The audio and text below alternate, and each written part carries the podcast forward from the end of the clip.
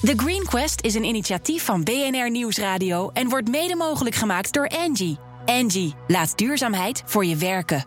BNR Nieuwsradio. The Green Quest. Harm Edens. De deadline komt snel dichterbij en we moeten nog een hoop doen om de klimaatdoelen van 2020 te halen. In de Green Quest zoeken we naar innovaties die ons daarbij gaan helpen. En daarmee ook naar echte inspiratie en motivatie. Het was de week dat minister Cora van Nieuwenhuizen in de Volkskrant zei dat Schiphol na 2020 gewoon door kan groeien. De groei van Schiphol tegenhouden om klimaatdoelen te behalen is volgens de minister niet slim. Doen alsof het allemaal vanzelf wel goed komt is ook niet slim. En de Europese Unie rapporteerde over de voortgang van de lidstaten bij het behalen van hun klimaatdoelen. Nederland bungelt helemaal onderaan dat lijstje. Ik herhaal, Nederland bungelt helemaal onderaan dat lijstje. We beginnen vandaag met Shell. FD-redacteur en energie-expert Bert van Dijk houdt nauwlettend in de gaten wat de olie- en gasreus aan het doen is. En wat blijkt, het bedrijf is stilletjes aan het onderzoeken waar zijn groene toekomst ligt. Bert, waarom moet dat stilletjes? Ja, nou stilletjes. Ik heb het uh, gezegd in stilte, maar het is natuurlijk zo dat ze heel veel investeren in gas en olie. En nog ongeveer 23 miljard dollar per jaar. Maar op de achtergrond in, in de tussentijd investeren ze steeds meer ook in kleine bedrijfjes, in start-ups. En dat zijn eigenlijk allemaal groene start-ups. Mm -hmm. En dat gebeurt niet, daar geven ze niet altijd persberichten over uit. Het gaat een beetje op de achtergrond. Het is ook allemaal nog wat klein.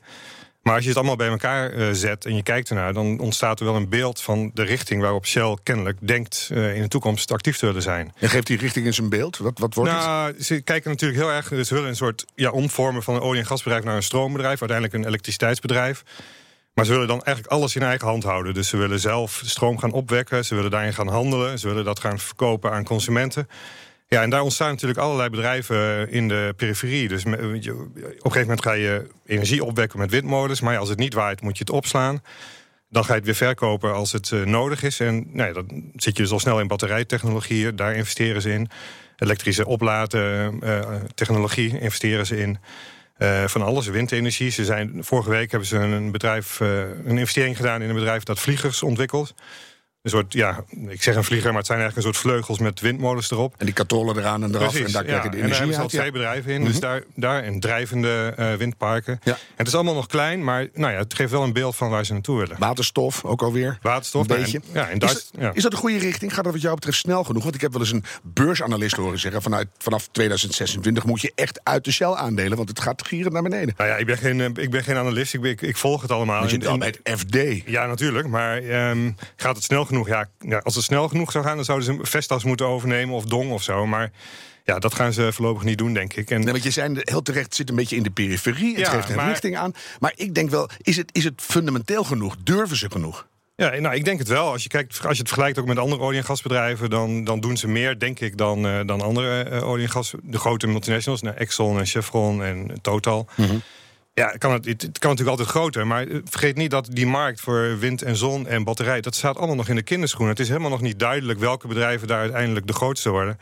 Ze hebben vorige week ook een bedrijf overgenomen, Sonnen... wat een, een, eh, toch wel een relatief groot bedrijf aan het worden is in Duitsland. Het is een grote concurrent van Tesla op het gebied van thuisbatterijen. Ja, dat, die markt is nog heel klein. Maar als ze dat kunnen laten groeien... en met de kracht van Shell, met hun wereldwijde netwerk... kan het zomaar eens heel groot worden. Ja, kunnen ze gewoon meegroeien op de verdurzaamingsgolf? Ja, dus ik denk dat ze dat gewoon langzaam... en dan op een gegeven moment komt er een versnelling. Laten we het hopen. Dankjewel, Bert van Dijk, energieredacteur van het Financiële Dagblad. Ze hebben een mening, ze demonstreren, ze praten met premier Rutte. Hoog tijd om eens te onderzoeken hoe serieus het klimaatbewustzijn van onze scholieren echt is. Hoofddocent aan de lerarenopleiding aardrijkskunde van de Hogeschool van Amsterdam, Adwin Boschaar, deed dat samen met zijn leerlingen. Waarom eh, besloten jullie tot zo'n onderzoek? Nou, eh, als je tegenwoordig in het onderwijs eh, denkt dat je met je onderwijs bepaalde doelen wil bereiken, dan is het wel heel belangrijk dat je eerst weet hoe die leerlingen eigenlijk over iets denken. Nou, was er twijfel, want er stonden er een heleboel op het Malieveld. En je, nou, gaat goed. Nou, dat was eigenlijk afgelopen jaren juist de vraag. Hè? Hoe reageren leerlingen eigenlijk op al die apocalyptische berichten die ze over zich heen gestort krijgen? Eh, gaan ze dan hun kop in het zand steken? Of eh, klimmen ze uit zichzelf op de barricade? En dan zul je natuurlijk zien dat uiteindelijk de waarheid eh, in het midden ligt.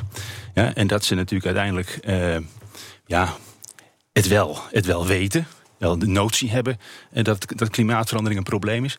Maar ze kunnen het bijna niet op zichzelf betrekken. Ze kunnen zich niet voorstellen dat het voor hen nu of voor hen op de korte termijn effect heeft. Ja. Nou heb je 2200 scholieren ondervraagd, dat is best een flinke groep, door alle opleidingsniveaus heen? Ja, dat waren allemaal leerlingen van 15 jaar uit de derde klasse van het VMBO, HAVO en VWO. En wat was jullie centrale vraag? Nou, dat was niet één centrale vraag. Maar de, ja, de centrale vraag was: hoe denken leerlingen over klimaatverandering? Maar dat mhm. denken moet je dan uiteenleggen in heel veel verschillende uh, facetten. Dat gaat over uh, twijfel je aan klimaatverandering?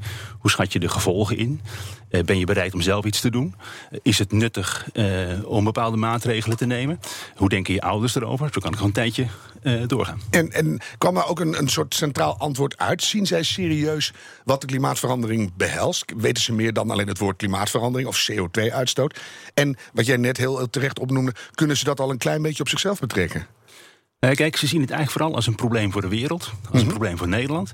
Maar zodra je de vraag stelt: heb jij er mee te maken? Krijg jij te maken met die gevolgen? Dan gaan ze eigenlijk twijfelen.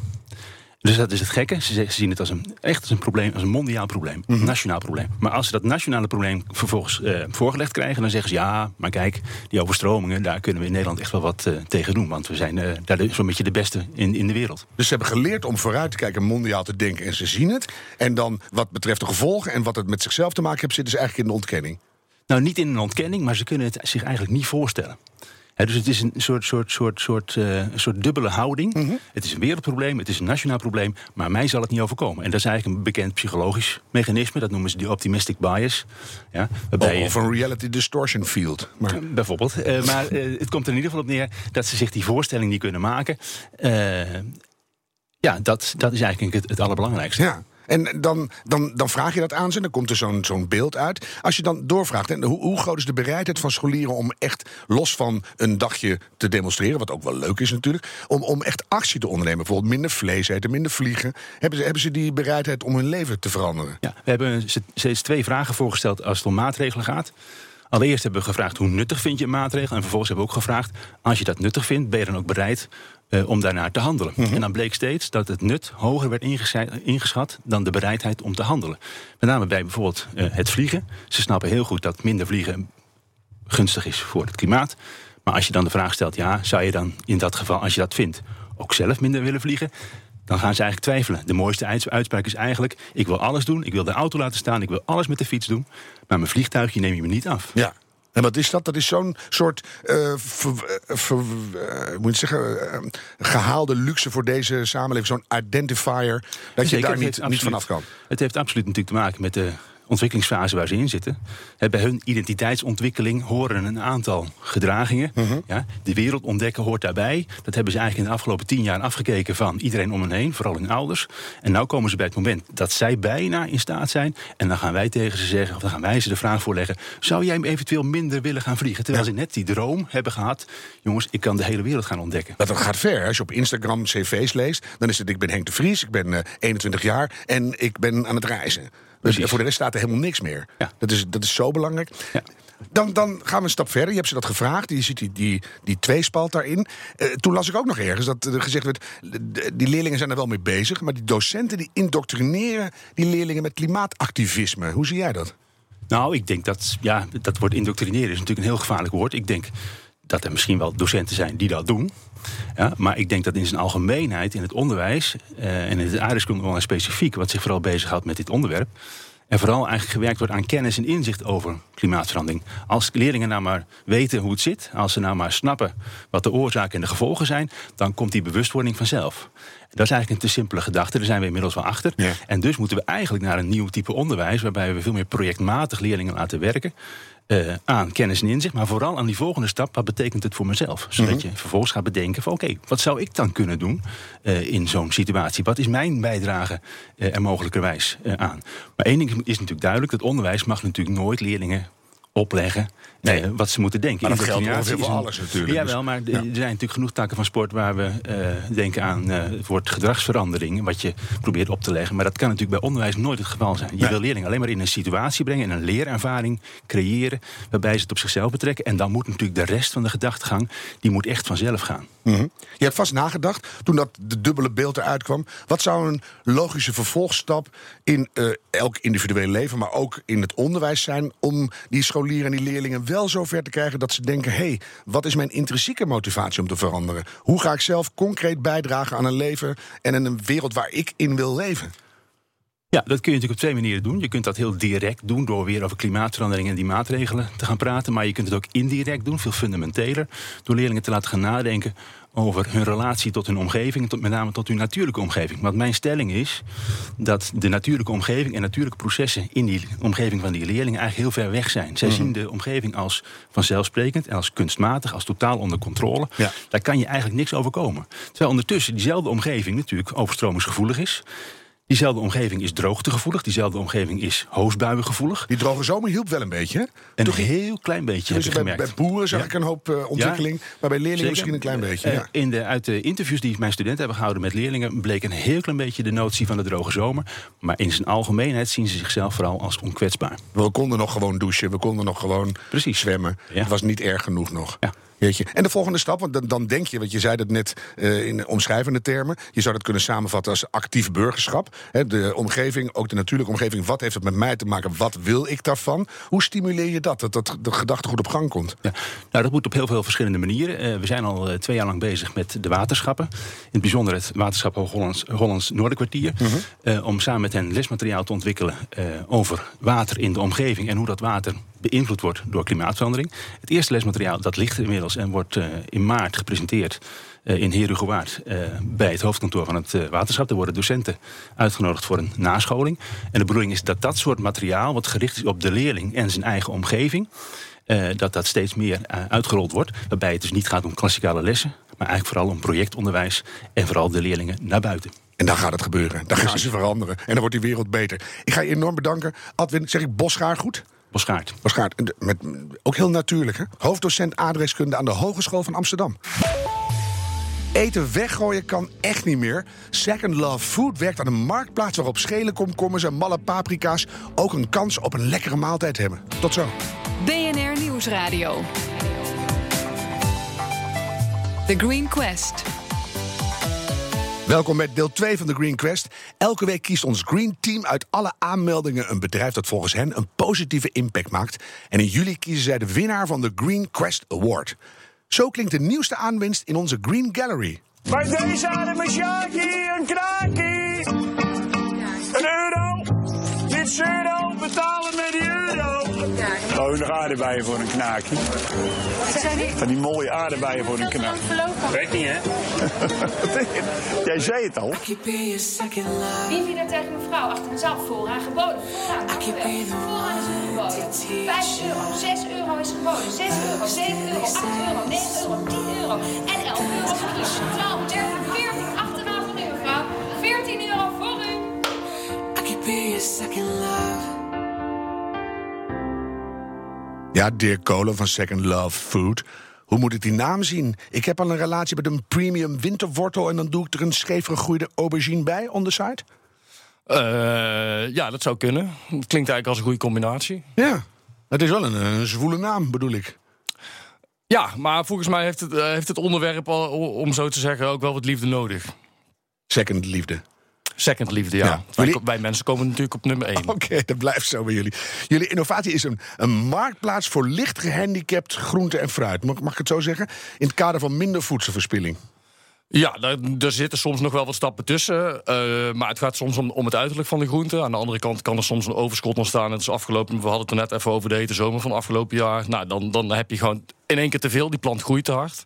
Ehm, dus dat zijn perfecte producten. Ja, wat hadden we over? Want we hadden te weinig uien, te weinig suiker. Alles was te weinig. Wat was er te veel ineens? Ja, eh, in ieder geval pruimen, dat ik nog weet. Eh, tomaten volgens mij. Ja, dat kan ook ineens. Gek, hè? Dat dingen altijd twee kanten hebben. Hoe, kwam- hoe kwam je erop om dat te, te beginnen? Eh, nou, ik ben eh, drie jaar terug eh, heb ik le- heel leuk werk gedaan voor een restaurantketen die ondertussen, eh, ehm, eh, of althans toen in de opschalingsfase zat, in, in samenwerking met hun grootste partner, of in ieder geval de, de grootste supermarktketen van Nederland. En dat was hartstikke leuk. Ehm, en ja, op een gegeven moment ben ik onder deze vlag verder gegaan. Wat was er zo leuk in dat restaurant? Wat deden die? Eh, nou, die gebruikte eh, dus reststromen uit, eh, uit de supermarkt. Dus mijn rol daarin was vooral ehm, ehm, ja, naar winkels toe gaan, uit, het verhaal uitleggen waarom vinden we dit belangrijk om te doen. En, en dan eigenlijk van, goh, kunnen jullie jezelf ook overtuigen om dit? Vinden jullie het belangrijk genoeg? Ja, en ook dus die, die groenten en dat fruit los te krijgen van die supermarktketens. Ja, want eh, het is dus bekend dat elke supermarkt eh, eh, gemiddeld van de kleine op de hoek en de XL iets verderop, dat je ongeveer 25 kilo aan aardappelsgroenten en fruit per dag weggooit. Ja. Althans, wat er dan niet, genoeg, eh, niet goed genoeg, een kwaliteit die ze aan een klant niet willen verkopen. Ja, die net op de houdbaarheid zit of er net niet goed meer uitziet of dat gaat allemaal weg. Ja. Nou heb je bedacht, dit, dit kan ik op een manier op een marktplaats platformachtige situatie bij elkaar brengen. Eh, Als je dat platform voor je ziet, wie biedt die groentes aan en wie koopt het dan vervolgens in jouw hoofd? Hoe gaat dat? Eh, wie die aanbiedt, nou, dat kunnen producenten, groothandel en dat kunnen ook telers zijn. En eh, het leuke aan dit, eh, aan dit platform is volgens mij dat, je- dat, dat je het zelf op de locatie zelf kan. Dus die teler kan het zelf. ehm, eh, in de stappen die hij dan even moet nemen, dat digitaal online zetten. Dus als, alsof je, je je tweedehands auto op marktplaats zet. Ja, dus je zegt, ik heb tomaten over. Desnoods maak je er een fotootje van, eh 400 kuub. En dat staat hier gewoon, wie wil het hebben? En dan kan je het daar afhalen. Zo simpel. Ja. En dat klinkt heel simpel. Alleen de praktijk, als je nu naar de praktijk kijkt, dan kun je eigenlijk zeggen van goh, Nederland eh, houdt nu ongeveer 100, 150 go- goede concepten om, eh, of in ieder geval die publiciteit hebben gehaald. En dat vinden we allemaal heel tof.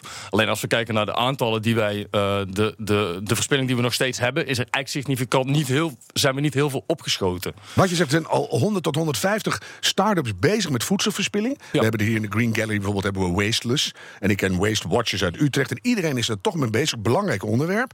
En dan toch uiteindelijk in de bulk van wat we weggooien gebeurt er nog niet zoveel. Nee, dus de, dus de schaal waarop het gebeurt is, is eigenlijk nog steeds te klein. Dus ehm, gaat ook steeds met de hang naar... Goh, hoe, hoe kunnen we het nou voor elkaar krijgen... dat die concepten gaan vliegen, dat ze makkelijker kunnen opschalen. Ja, dat er dus niks meer weggegooid wordt uiteindelijk. Daar gaat het om. Nou is jouw marktplaats nog niet online. Hè? Wanneer moet dat gaan gebeuren? Heb je al een planning? Eh, wij gaan in, eh, in maart gaan we beginnen met een, met een pilot. Eh, alleen hier in de stad. Daarvoor zijn wij eh, ook nog steeds op zoek met Second Law Food naar eh, een aantal ehm um, food service bedrijven. Dat kunnen cateraars zijn. Nu doen al twee eh, restaurants mee en ehm, eh, één cateraar. Dus wij zijn op zoek naar meer. Het aanbod is groot.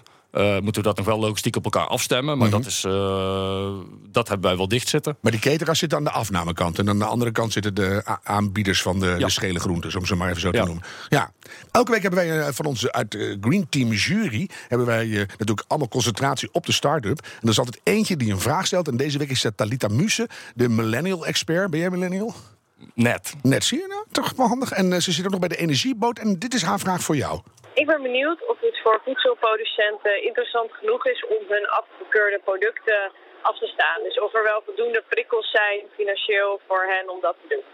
Ja, oftewel, waarom zouden voedselproducenten hun afgekeurde producten aan jullie geven en zichzelf dan gaan beconcurreren? Eh, in eerste instantie om een klantrelatie te verbeteren. Dat moet je uitleggen. Ja, dat snap ik. Eh, kijk, aan de ene kant is er, is er financieel niet direct een, een, een, ehm, eh, iets wat, wat een producent direct van. Want je hebt dus gelijk met een concurrentiepositie te maken. En aan de andere kant moet je ook een stukje investeren, omdat je, je krijgt nog een busje aan, aan je. eh, je hebt weer met meer mensen te maken, dus dat, dat kost iets. En het Ja. opzetten kost iets. Dus Ja. waarom, waarom zou je dat dan doen? Nou, ik denk dat je nu, om, als je voorop als bedrijf eh, of organisatie voorop wil gaan in een nieuwe economie, eh, ecologische economie, en daar onderdeel van wil zijn, dan eh, vraag ik niet van je om meteen daarin duizenden euro's in te zetten. Maar je kan wel in het klein. En daarom lijkt mij ehm, dit idee van de, de keten zien, met, met meerdere, niet, niet, niet één supermarktorganisatie aan de achterkant, maar meerdere bedrijven die dat samen kunnen ehm, eh, eh, eh, ja, gaan ondersteunen, Ja. zie ik dat als haalbaar. Maar ik zeg niet dat het makkelijk is. Nee, maar ik, ik kan me voorstellen dat een, een, grote teler zegt... ik heb eh, eh, factor X tomaten. Een deel daarvan is eh, niet zo lekker. Die gooi ik weg. Dan zijn mijn gewone goede tomaten meer waard. Dus ik, ik moet daar vanaf. Ik gooi dat weg, want dan is het niks waard. En nu zeg jij, nee, we gaan het weer hergebruiken. Dus dat, daar hangt weer waarde aan. Waarom zouden ze dat doen? Behalve dan dat jij zegt, het wordt transparanter, gunfactor, al dat soort dingen. Uiteindelijk komt het neer op eh, eh, goed, dat het, dat het eh, mm, ja, wat het met zich meeneemt om het wel weg te gooien, dat, dat zijn natuurlijk de milieuaspecten. Ja, dus uiteindelijk zou je een nieuwe weg moeten vinden... voor al die groentes die we tot nu toe weggooien. Er zit waarde aan. Misschien kan je die op die manier terughalen. Dat zit erachter. Ja, in, i- in ieder kijk, aan de ene je, je kan voedselverspilling op twee manieren aanpakken. Dat is aan de ene kant reduceren. Dus eh, eh, waarom gooien we het elke maand 100 kilo weg? Kunnen we dat niet minder inkopen? Je kan ook heel zwart-wit zeggen, we produceren als Nederland gewoon te veel. Waarom produceren we niet minder? Ja.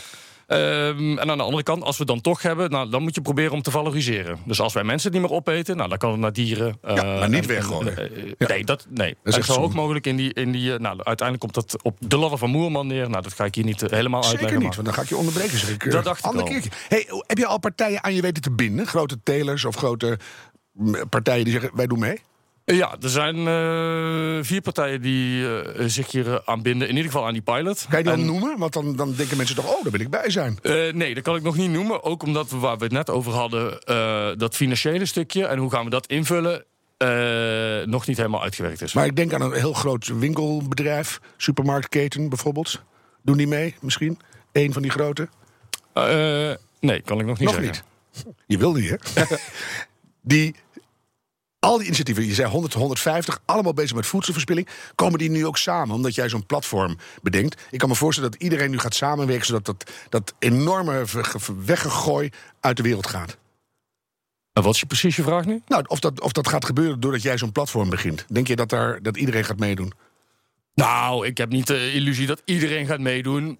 Maar als dit een voorbeeld kan zijn of een inspiratie voor anderen om dat misschien in eh, Rotterdam ook te doen. Want uiteindelijk is, is eh, de wereld, de aarde is een ecosysteem. Amsterdam is dat, Rotterdam, Nederland, Europa. En zo kun je elke keer naar een stad of naar een land kijken. En, en zo gaan we dat ook doen. En ik vind het gewoon belangrijk dat iedereen gaat meedoen. Ik ga jou bedanken, Dirk Kolen van Second Love Food. Wil je onze zoektocht naar de meest duurzame innovaties op de voet volgen? Luister dan elke week naar de Green Quest en bekijk de Green Gallery op ons platform thegreenquest.nl. De uitzendingen zijn ook terug te luisteren via de BNR-app en bnr.nl of als podcast in iTunes en Spotify. Tot de volgende keer. The Green Quest is een initiatief van BNR Nieuwsradio en wordt mede mogelijk gemaakt door Angie. Angie, laat duurzaamheid voor je werken.